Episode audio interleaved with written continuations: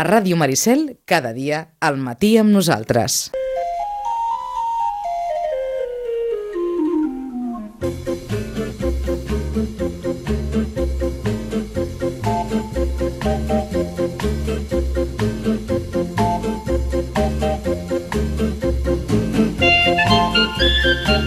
Vinga, 10 i 22 minuts, saludem els nostres eh, seriòfils de, de capçalera. Camil Villaverde, bon dia.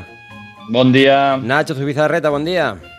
Hola, molt bon dia. Disposats una vegada més a repassar les, eh, les diferents estrenes que hi ha, que hi ha previstes pels, eh, pels propers dies a les principals plataformes. Uh, I mira, dintre de l'apartat de les notícies, ho, ho acabo de veure perquè ho, ho estan dient ara, jo, ho desconeixia jo. S'ha mort el senyor Shunsuke Kikuchi. Qui és el senyor Shunshu... Ai, espera, que torno a mirar-ho. Shunsuke Kikuchi?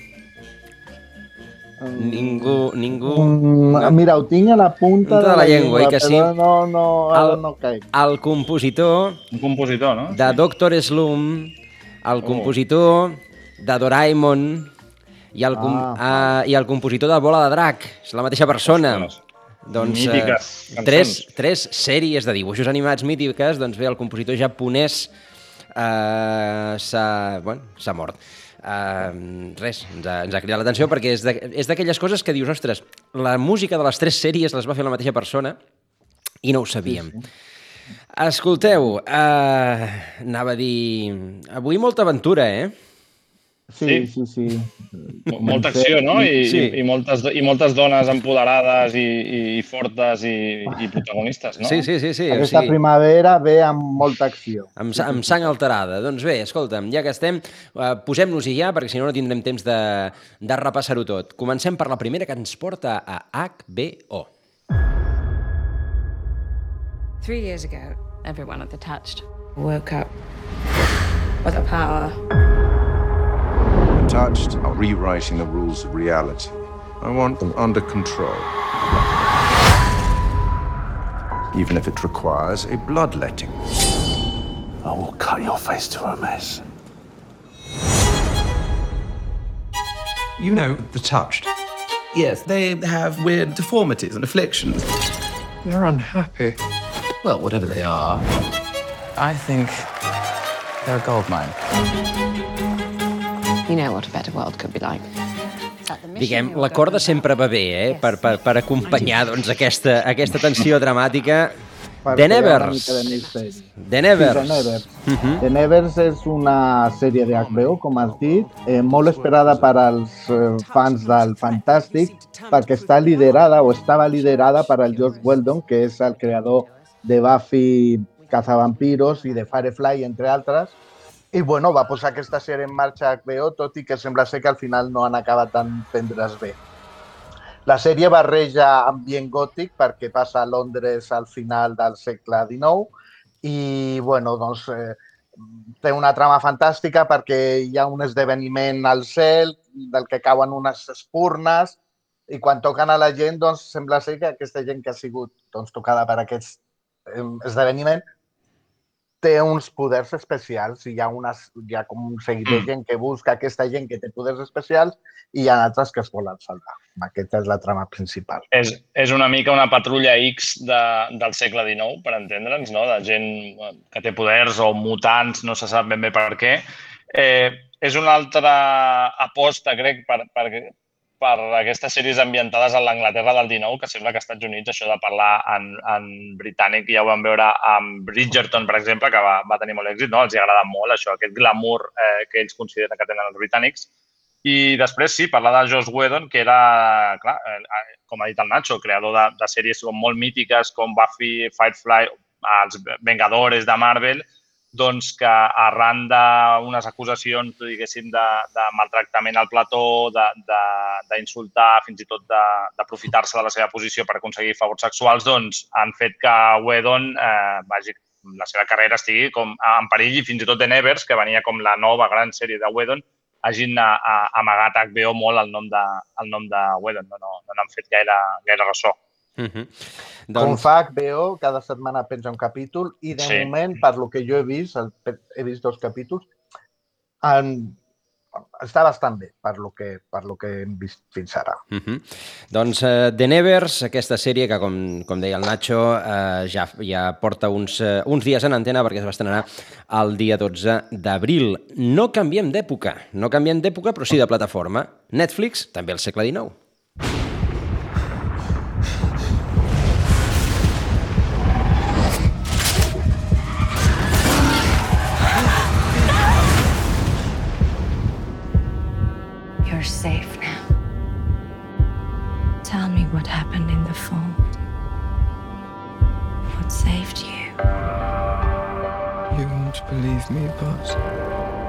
Was a sun summoner.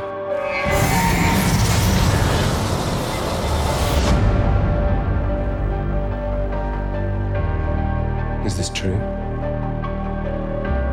Can you summon light?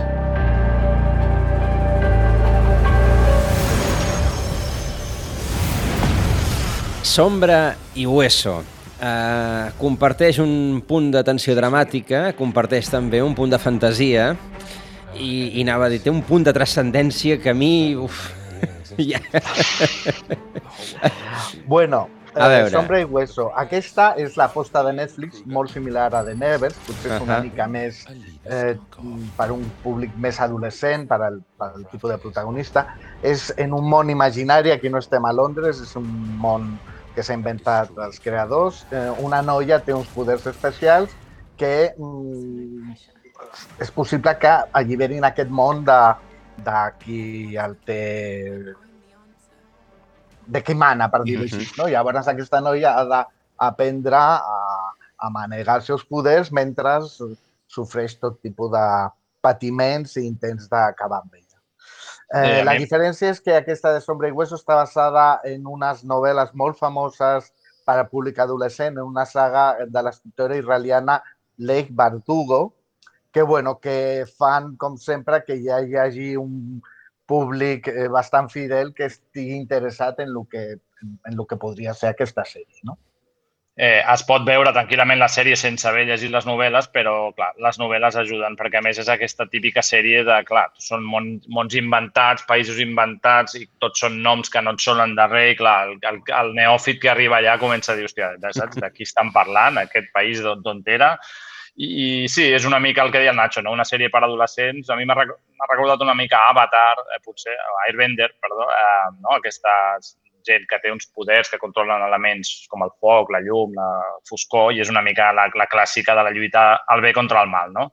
Eh, i, i, I la mostra de que totes les cadenes de streaming doncs, aposten com sigui per portar el públic adolescent eh, cap, a, cap a les que deixi YouTube i que, i que vingui a veure sèries. Sí, anava a dir que... Aquesta té un rerefons d'una història romàntica que sempre ajuda doncs, a, a hilvanar tot, tot el que va passant. I jo m'he vist els dos primers capítols i tot i que ja no sóc adolescent, a pesar de que ho semblo, Uh -huh. eh, són bastant... Penso que estan bastant bé, ara que ho pots veure sense dir, Déu meu, que m'estan presentant. Doncs eh, Sombra i Hueso, que ja està també penjada, aquesta sencera, oi? Perquè Netflix ho penja, sencera. ho penja tot en bloc des, de, des del dia de, de, de Sant Jordi. I una eh, que es va estrenar ahir, no és estrenada, perquè ja de fet és la quarta temporada, eh, d'una sèrie que va començar molt bé, després, bé, va entrar, va entrar en una certa controvèrsia, vinga. HBO. I can't rest. My daughter deserves better. We all deserve better. Change never comes easy. This war isn't going to win itself. All those children. It's June's legacy. She changed me. Changed you. She does have strong claws, that one. It's not safe anywhere. We should all just leave. These women deserve to be helped. But I can't do this alone. És la quarta temporada del Cuento de la Criada. A patir, eh, Nacho? A patir. A patir, no? Sí, sí, sí. Mal rotllo. Sí, sí, sí, sí, és aquello que deien que era porn eh, de sofriment. Doncs sí, eh, ha trigat dos, dos anys en, en estrenar-se per als problemes de la pandèmia i també perquè HBO en un moment donat, després de les crítiques i el, la rebuda que va tenir la temporada tercera no sabia ben bé si continuar-la. Total, la tenim aquí, aquesta sèrie basada en un bestseller de Margaret Atwood, en, on els Estats Units s'han convertit en un país que es diu Gilead, que és una societat totalitària i fonamentalista, on les dones són utilitzades mm, doncs, per procrear i per fer feines domèstiques, no? bàsicament. I, bueno, doncs, evidentment, passen aventures. Aquesta és la quarta temporada, està protagonitzada per la Elizabeth Moss, que és una potser de les actrius més, en aquest moment, amb més activitat de, de, de, de Hollywood. I, bueno, la veurem patir perquè ja la tercera acabava com que ella ajudava uns nens a escapar-se i quedava ferida, doncs, bueno, la quarta serà mm, les conseqüències d'aquest esdeveniment. O sigui que sí. aquí estem una sèrie que anava com en ell al dit amb, amb, amb la, el temps de Trump, diguéssim, no? També hi ha sí. aquesta crítica cap a, cap a la, la radicalització no? de, de l'extrema dreta i del masclisme als Estats Units. Ara, amb els temps de Biden, igual ja no casa tant. I, i que a mi crec, jo crec, em fa la impressió, veient el tràiler, que els, el, els productors els hi han tocat una mica el crostó perquè era una sèrie com molt lenta, molt estètica, molt de pausada, i jo crec que en aquesta temporada, pel que s'ha vist, ja com ja, bueno, ja veiem a la, Exacte, acció, agafant pistoles i cremant i explosions, vull dir, els hi hauran dit, vale, molt bé, tot això, però ara volem... La criada, la criada es torna sí. una mica de Rambo. Exacte. Ah, us, us, una transformació. Us volia preguntar, arran del que acaba de comentar el Camil, el, el fet que, que hi hagi un gir ideològic a la presidència dels Estats Units eh, pot influir en les temàtiques eh, que, que exploten les, les sèries?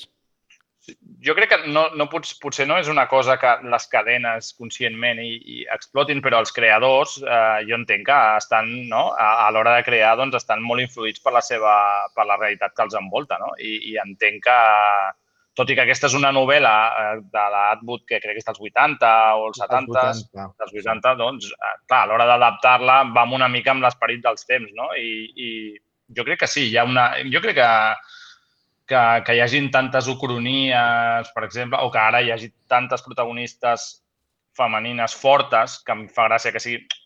Vull dir que fortes a vegades consideren que saben donar hòsties com els tios i, i potser no és això, no hauria de ser això, no? Una, alguna persona forta, però bueno, a part d'això jo crec que, òbviament, el, el, no? el, els esperits dels temps es veuen reflectits amb la, amb la creació de...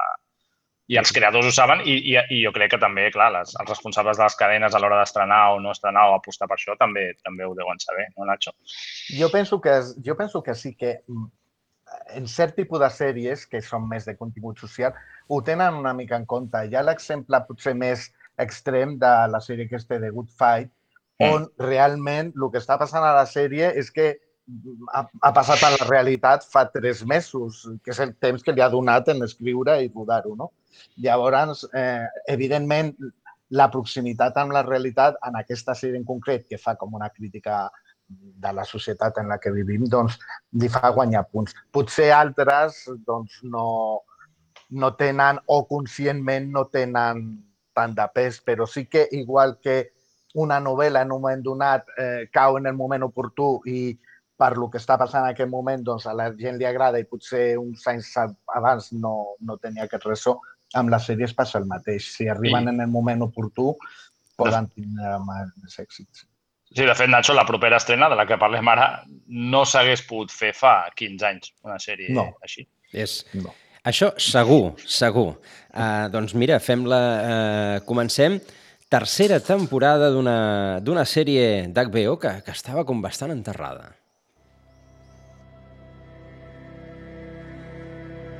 I used to take that mic in my hands. The category is... And it made me feel alive. Your life matters.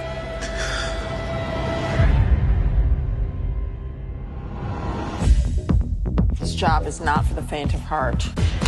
You're a trans woman of color working in a hospital. I'm just trying to stay afloat. Is this about your legacy?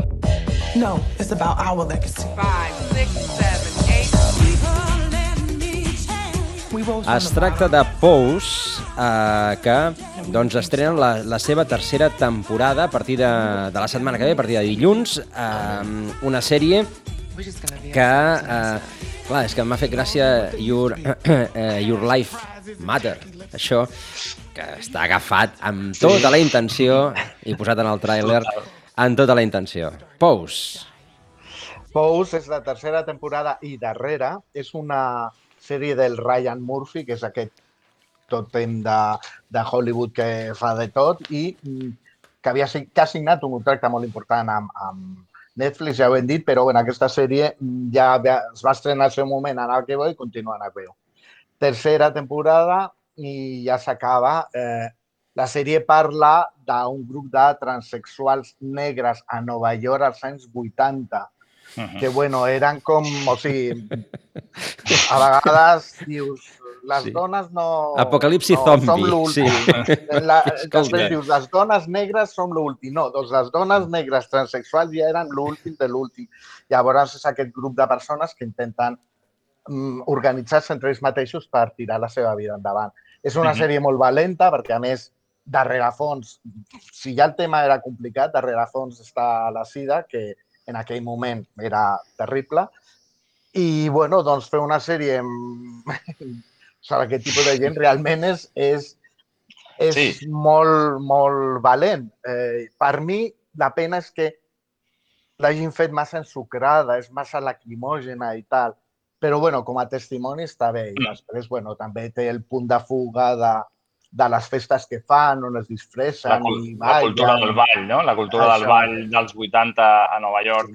I, que i una després altra- van aconseguir que fos mm, molt copiada i molt Mainstream, utilitzada per altres mainstream, per, per, altres, per, la, per la Madonna, sense anar més lluny, no? I, doncs, i, bueno, i, mm, I a més protagonitzada, perdó, protagonitzada digues, per, per, per actors i actrius eh, doncs, trans. Vull dir, no, no Sí. és en plan anem a parlar dels trans i que hi hagi un personatge que sigui l'amic del prota, que no sé què, sinó que re, eh, realment tots la, major- són actors LGBT, LGTBIQ, no?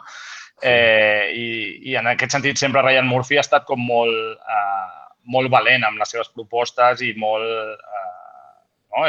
Jo crec que, que Ryan Murphy, amb la, seva, de... amb la seva condició de gay obertament, Mm. doncs ell, va, ell fa sempre apostes on hi hagi diversitat, eh, ja no solament sexual, sinó mm, les seves sèries també han, han sortit gent amb minusvalies, Sí, gent no? amb altre tipus de problemes, altres minories. En aquest sentit, se l'ha d'agrair que hagi obert una mica doncs, tot el- l'audiovisual americà a, a normalitzar aquesta situació. Mm -hmm. Doncs la, eh, la sèrie Pose està eh, estarà, es pot trobar a HBO a partir del eh, proper dilluns. I ara, mm, doncs bé, una estrena d'avui mateix, Apple Plus. Dad, why are you doing this to us? Why is it such a big secret? Because we have a problem. What kind of problem? You know the kind of problem that you think, okay, first glance, that looks pretty bad. The kids could get hurt. They're not gonna get hurt. They're with us. Oh, that's what I'm worried about. If I just sit down and think about it, I might be able to figure a way out of it. Era una novel·la de l'any 81, després es va fer una pel·lícula, Gran I això- pel·lícula del Peter Weir. i això seria l'antecedent de, la, de la pel·lícula. La costa de los mosquitos. Sí, mm, La Costa de los Mosquitos, que arriba, com has dit, amb Apple Plus. Hi ha com un rerefons, hi ha un comentari general de que Apple Plus sense... Apple Plus, perdó, sense, sense fer molt de soroll, mm, va traient sí. sèries que, bueno, potser no són buah, mega pelotazos, però que el seu nivell és bastant alt i és bastant, bastant coherent. Aquesta és una demostració, és una sèrie bastant interessant, eh, mm, de partida, parla de bueno, una família que té que fugir um, per algú que, bueno, perquè el govern els està perseguint per algun motiu que ells s'amaguen i se'n va anar amb èxit a, un, a la costa de los Mosquitos i comencen a fer la seva vida allà. No? I bueno, doncs és una mica com va evolucionant i com intenten doncs, que no, no, no els agafin. No? Mm. Té, té la curiositat, no?, que també el protagonista, eh, que és el Justin Theroux, és Ah, el sí? fill del, del novel·lista, no? És, el, és el nebot, és el nebot. El nebot. El Sí, nebot i ell deia que quan estava preparant la sèrie, doncs que amb ell molts personatges li sonaven de, de persones de la seva família, no? O sigui que Però clar, va la, tindre aquesta, aquest flashback. anava a dir, es deuen portar anys, eh? perquè la novel·la és del 81. O sigui, Sí. Gairebé hem traspassat generació aquí entre, entre oncle i nebot, però eh, doncs la, la costa de los, eh, de los mosquitos... que arriba avui. és- Avui, avui, sí. Eh, Avui, avui, sí, sí, a Apple Plus. Avui a, a Apple Plus. I vinga, l'última de, les que, de les que ens proposeu, tornem a l'aventura, però aventura gràfica. Si els va agradar The Clone Wars, doncs eh, això probablement també els agradarà. Disney Plus. Haremos una prueba. Cinco clones mejorados. Más capaces que un ejército. Pero muestran un preocupante nivel de desobediencia y desprecio de las órdenes. ¿Qué más tiene? ¡Quiero más! Nuestra escuadra solo trae problemas. I és, efectivament, són clones mejorados, tan mejorados que, que són una remesa mala. Star Wars, la remesa mala, a partir de la setmana que ve a, a Disney Plus. Doncs sí, Disney ja ha pitjat l'accelerador a fons i cada mes, com a mínim, ens porta una mega estrena, a banda de les petites estrenes que va fent. I en aquest cas, el mes de maig, eh, toca eh, un element de l'univers Star Wars, eh, en, aquest, en aquest cas, d'animació, continuació de lo que van ser The Clone Wars, una sèrie molt apreciada i molt interessant per tothom, i bueno, doncs que parla d'aquest grup de soldats que són molt efectius, però que sembla ser que no acaben de ser tot lo endreçats i obedients que als seus eh, caps els hi agradaria. No? Eh, ja sortien, em sembla, de Clone Wars en algun Sí. sí. moment ahir de, darrere fons, el que fa Disney, que agafa bueno, aquests personatges secundaris i mm, els explota en, en, una altra, en una altra sèrie o en una altra pel·lícula. I és el que ens presenta aquí amb, amb la René Samala. i tots els que els agradi doncs, eh, Star Wars i sobretot The Clone Wars, que jo recomano per tots els fans de Star Wars que, que, que la vegin, doncs eh, segura, segur que la remesa mala no, no, no fallarà. A més, té aquest, també té un, un sentit de l'humor que ja veiem al tràiler que crec que, que, que enganxarà bastant. Uh -huh. Doncs, eh, com dèiem, la remesa mala a partir de la setmana vinent. I, nois, eh, repassem. Hi ha diverses notícies per, per, aquesta, per aquesta setmana, oi que sí? Sí, la primera és aquesta, la lluita de Netflix, però no contra altres plataformes, sinó contra això que anomenen la fatiga de decisió. Eh? Aquest nom que li han donat a això que arribes a casa... L'altre dia llegia no? que, que has de prendre, diuen, 35.000 decisions diàries, el nostre cervell les pren. doncs quan arribes a casa allò i, i dius, bueno, què vaig a veure? T'asseus al sofà no? i comences i, i no, al final no acabes veient res perquè acabes navegant sense decidir-te, no? Eh, llavors, això per Netflix és la, la, la mort, perquè Netflix el que necessita són visionats. No? Llavors, hi ha tota una estratègia de la, de la plataforma eh, que vol lluitar contra això i, i, i la primera o la darrera decisió ha estat activar, no sé si ja molta gent ho té, a la reproducció aleatòria. És a dir, tu entres a Netflix i Netflix ja, com si fos la tele tradicional, ja t'està posant, posant alguna cosa perquè, perquè, perquè t'hi enganxis. Sí, a veure, a mi m'ha agradat aquesta notícia perquè mm, a mi, mm, quan arribo a casa i em diuen escolta, què vols sopar? Jo dic, mira, no em facis pensar, sisplau, el que hi hagi. Vull dir que jo pateixo d'aquesta fatiga de decisió. I sí que és veritat que seus al davant de la tele amb el comandament i, i l'oferta és tan brutal que et veus una mica com, bueno, i ara què? Jo, Eh, sí, sí, jo crec que a vegades m'adormo més buscant algú que veure que dormint-me veient una sèrie, perquè a més eh, està comprovat que es veu que si els, eh, als 90 segons, primers segons, no has decidit més o menys què vols fer o què vols mirar, doncs et passes a una altra plataforma i aquest és l'altre l'altre gran perill que té Netflix, que se li vagin doncs, a, a la competència. Llavors, Això. tot el que veiem de, de la interfície de Netflix ens porta a... És la lluita de Netflix contra això, és a dir, els trailers aquests que tu poses i ja es reprodueixen sols, eh, la llista dels 10 més vistos per ajudar-te a decidir, no? l'algoritme, tot això és en plan, mira alguna cosa, però decideix-te. No? Doncs probablement aquí eh, totes les plataformes haurien de posar-se les piles perquè les interfícies són del tot menys amigables. Hi ha tant, mm. hi ha tant volum d'informació, informació barrejada, recomanacions que realment l'algoritme a vegades dius, home, això m'ofereixes? Si, si, si el que et posen de partida és com l'algoritme, Clar. segurament te'n vas a un altre lloc gairebé. Aquí tots està. els I, casos. I aquest de l'algoritme és un altre debat. Jo, jo estic, cada cop estic més en contra d'això, perquè jo crec que a vegades eh, està bé que, que Netflix, diguéssim, eh, l'algoritme entén el que ens agrada i ens dona coses similars, però jo crec que no... Moltes, quantes vegades hem vist una sèrie que dèiem, bueno, no sé què vaig a veure, no, no tinc ni idea, potser no m'agrada i tal, la veus i t'enganxes, o algú que te la recomana, tu no l'haguessis Sí. pensat mai que la veuries i un amic diu, mira, mira aquesta que no, no, no s'assembla res al que veus, però t'encantarà. Llavors, ens perdem l'oportunitat a vegades de, de, de, de veure sèries que potser ens encantarien perquè l'algoritme ens diu no, a tu t'agrada això, això i això perquè has vist això, això i això. Correcte. No, no, i és, això- és que feu, feu l'exercici, mireu una pel·li de guerra, el que sigui, i començaran a aparèixer després- pel·lis dels anys 40 de la Segona Guerra Mundial que dius, home, prou. això no. Exacte. Això vale, no. Sí, m'agrada, però no solament Clar. això. Sí, sí que és veritat. El que passa que mm, estem, el que deies abans, tan bombardejats per informació. Cada setmana s'estrenen... No sé si vaig llegir l'altre dia que al maig Netflix estrenarà 84 sèries. Una és que això és inassumible. Llavors, bueno, no sé, d'alguna manera tindran... Jo el que des d'aquí demanaria als senyors de Netflix que no, fos, no fessin tantes, però les que fessin, que fossin més bones. Això és el que fa, Perquè- això és el que fa Apple, no? És el que Sí, fa és el que fa Apple i el que intenta fer una mica HBO, que no té tantes estrenes, però les estrenes potser sembla que siguin, siguin una mica més cuidades, sembla. A mi, a mi em fa gràcia que hagi sortit tota aquesta plataforma de l'streaming per trencar amb la televisió tradicional i al final tots els passos que van donant s'apropen més a la televisió Cada cop tradicional. més a la Estrenes tele que t'ofereix, Estrenes sí. per setmana, que tu entres a Netflix i Netflix ja de per si et posi alguna cosa...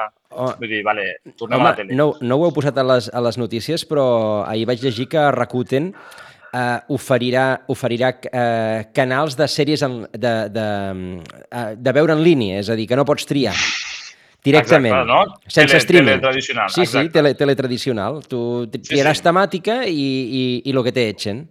També et dic que si la tele portava tants anys i, i, i, i, seguia tenint èxit, vull dir, per alguna cosa serà, no? Home, I no hi, ha, sentit... no hi ha fatiga de decisió. No, no cap. Els seus i el que, Ja, lo que hi hagi. Això, això i això, exacte. I a més, l'endemà a l'oficina ja saps del que tens que parlar, perquè no hi ha altra, altra opció. Escolteu, no, no tinc temps de, de posar els trailers que m'heu posat, però torna Master of None. Sí, és una setmana que han anunciat molts retorns i sobretot Masters of, Master of None, que a mi és una sèrie que m'encanta perquè és una Sí. sèrie que, que considero que té és una comèdia, però té com molta delicadesa, té molta subtilesa, és un- una sèrie que recomano molt. Eh, la, se la donava per morta després de dues temporades i quatre anys després anuncien la, la tercera temporada. Eh, el creador de la sèrie és l'Aziz Ansari, aquest còmic eh, d'origen indi, que va tenir el, la, no? alguna acusació doncs, amb una cita de comportament sexual inapropiat que ell va negar, eh, bueno, una sèrie d'assumptes que va fer que ell s'allunyés una mica dels, dels focus i ara torna a la seva sèrie, però ell no és el protagonista, Però sinó no que el protagonista. Sí. Exacte. Continua dirigint i la sèrie, que ja ho havia fet en alguns capítols, el protagonisme passa a la seva amiga, que és una dona negra, lesbiana, eh, molt canyera, i, i sembla ser que la protagonista de la tercera temporada de Master of None eh, serà la, la, la seva amiga Denise. Eh, mm, ve- veurem per on en surt, però després de dues temporades que, que torno a dir que em semblen molt bones, doncs li, li donarem la confiança Mhm. a, al retorn de Master of None. Sembla que també tornarà Mindhunter.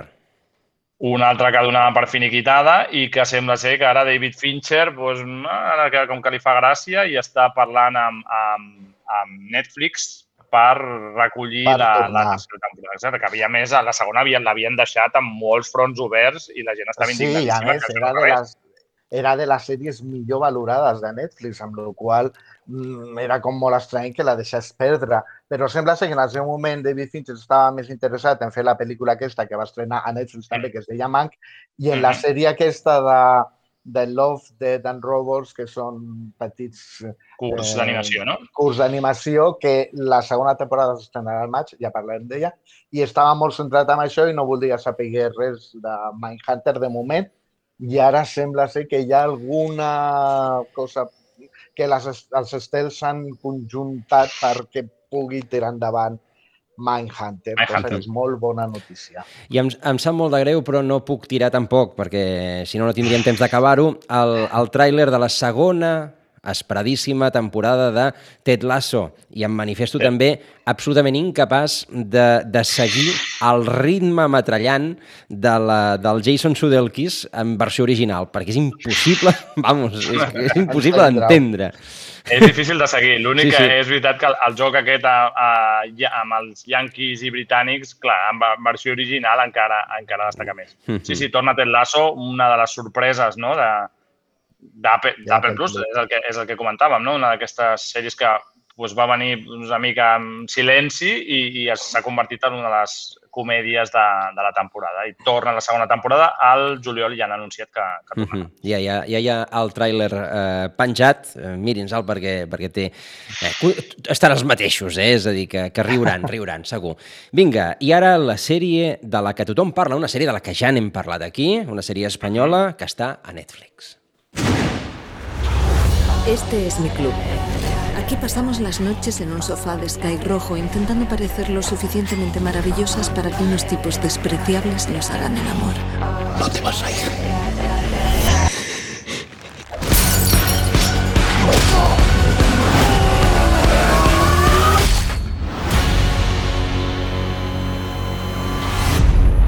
Vamos a tener una nueva vida. Solo te lo voy a preguntar una vez más. ¿Dónde están? D'on estan? Perquè s'han escapat després de pensar-se que han matat el seu proxenet. Sky Rojo, a Netflix, ha estat una de les bombes de la temporada.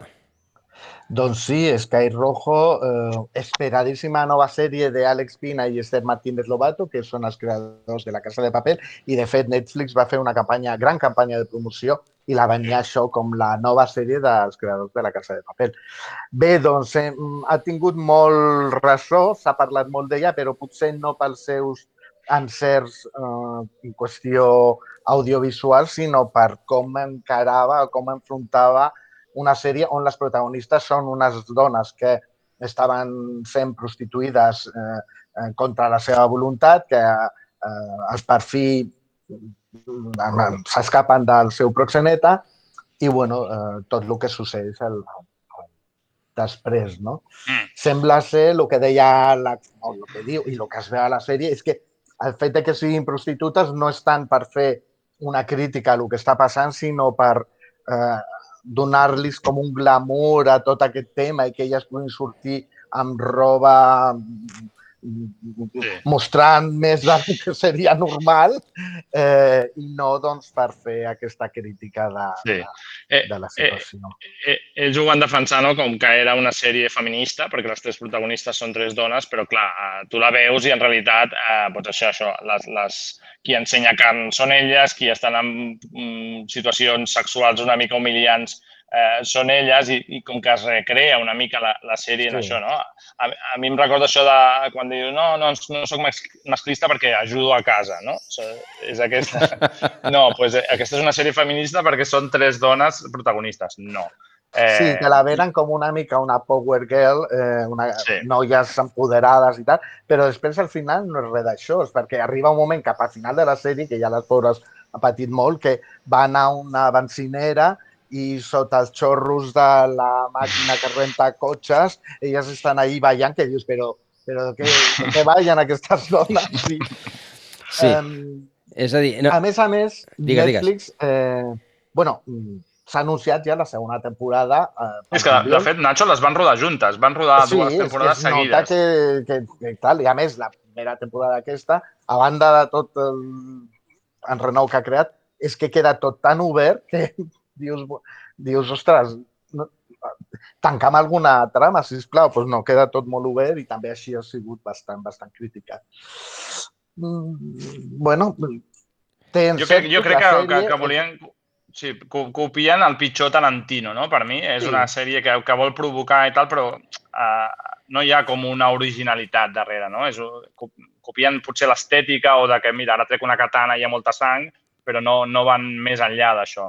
I No. després, bueno, eh, és una mica la línia de la Casa de Papel, no? De, de, de frases, allò com Sí, allò que els americans en diuen one-liners, no? frases molt impactants que, que la gent oh, digui, oh, s'escandalitzi a casa. Mhm. Eh, això sí té un ritme, eh, perquè realment són 25 minuts que és estèticament passen... molt, molt acurada, Ah, el ritme és exacte. frenètic, o sigui, no, no t'avorreixes. A més, són El- capítols que no són gaire llargs, són 25 minuts. 25, no l'he sí, vista, sí. però he, he, he llegit que, la, que les trames tenen un punt d'inversemblant, que arriba un punt que, que elles mateixes es van ficant en l'embolit de manera bastant... Bueno, Sí, bueno, i a és- és- quan hi ha diversos moments que tenen l'oportunitat de solucionar el seu tema, que és acabar amb aquesta persona que les ha, ha bueno, les ha abusat d'elles de totes les maneres i que les vol matar i elles tenen com dos o tres cops que podrien acabar amb aquesta situació i no ho fan i continuen sí. conduint per les carreteres de Tenerife. Sí, quan et i comences dius, a preguntar això és quan sí, és com aquelles sèries que dius però per què no fan una trucada a aquest i això ja s'ha acabat? No, no. Eh, Està clar, s'ha d'allargar tot i, i sí, sí, és, bueno, la Casa de Papel és una mica així també. Sí, i tant, i tant, i tant. Eh, hi ha un moment que dius, vale, Sí, prou. entro i em diverteixo perquè m'ho dieu, però ja no m'estic creient res perquè no té cap sentit el que estic veient. Sí, doncs sí. en aquest sentit Alex Pina eh, doncs, peca potser una mica d'això. Jo crec que vol apatar moltes vegades, no? de, de, de dir, uah, mira quantes coses puc fer i el, i el muntatge i la música, que realment la música està com molt ben triada, eh, però crec que No, a vegades... estèticament la sèrie és molt Sí. potent, el que passa que L'embolcall és molt bo, però crec que dintre la capsa, doncs el regal és la capsa aquelles que et regalen allà gegantina i molt maca, però l'obres i, pues, bueno, el regal potser no. El que hi ha dins, doncs no, li falta una mica de substància. Doncs hi haurà segona temporada, o tercera temporada, perquè és allò Al de juliol. que... El, jul, uh, el juliol, ja, segona Mhm. està assegurada, la tercera Ah, d'acord. Ja. Segona. Eh, doncs de moment, de moment segona és Hey Rojo, la sèrie de la, de la que tothom parla i per tant també en parlen els nostres eh, seriòfils. Aquí agraïm doncs, eh, aquesta tasca de, de condensació entre el mar el mar de noves estrenes que hi ha, que hi ha cada, cada mes. Eh, Nacho Zubizarreta, Camilo Villaverde, moltíssimes gràcies. Gràcies a vosaltres. moltes gràcies a vosaltres.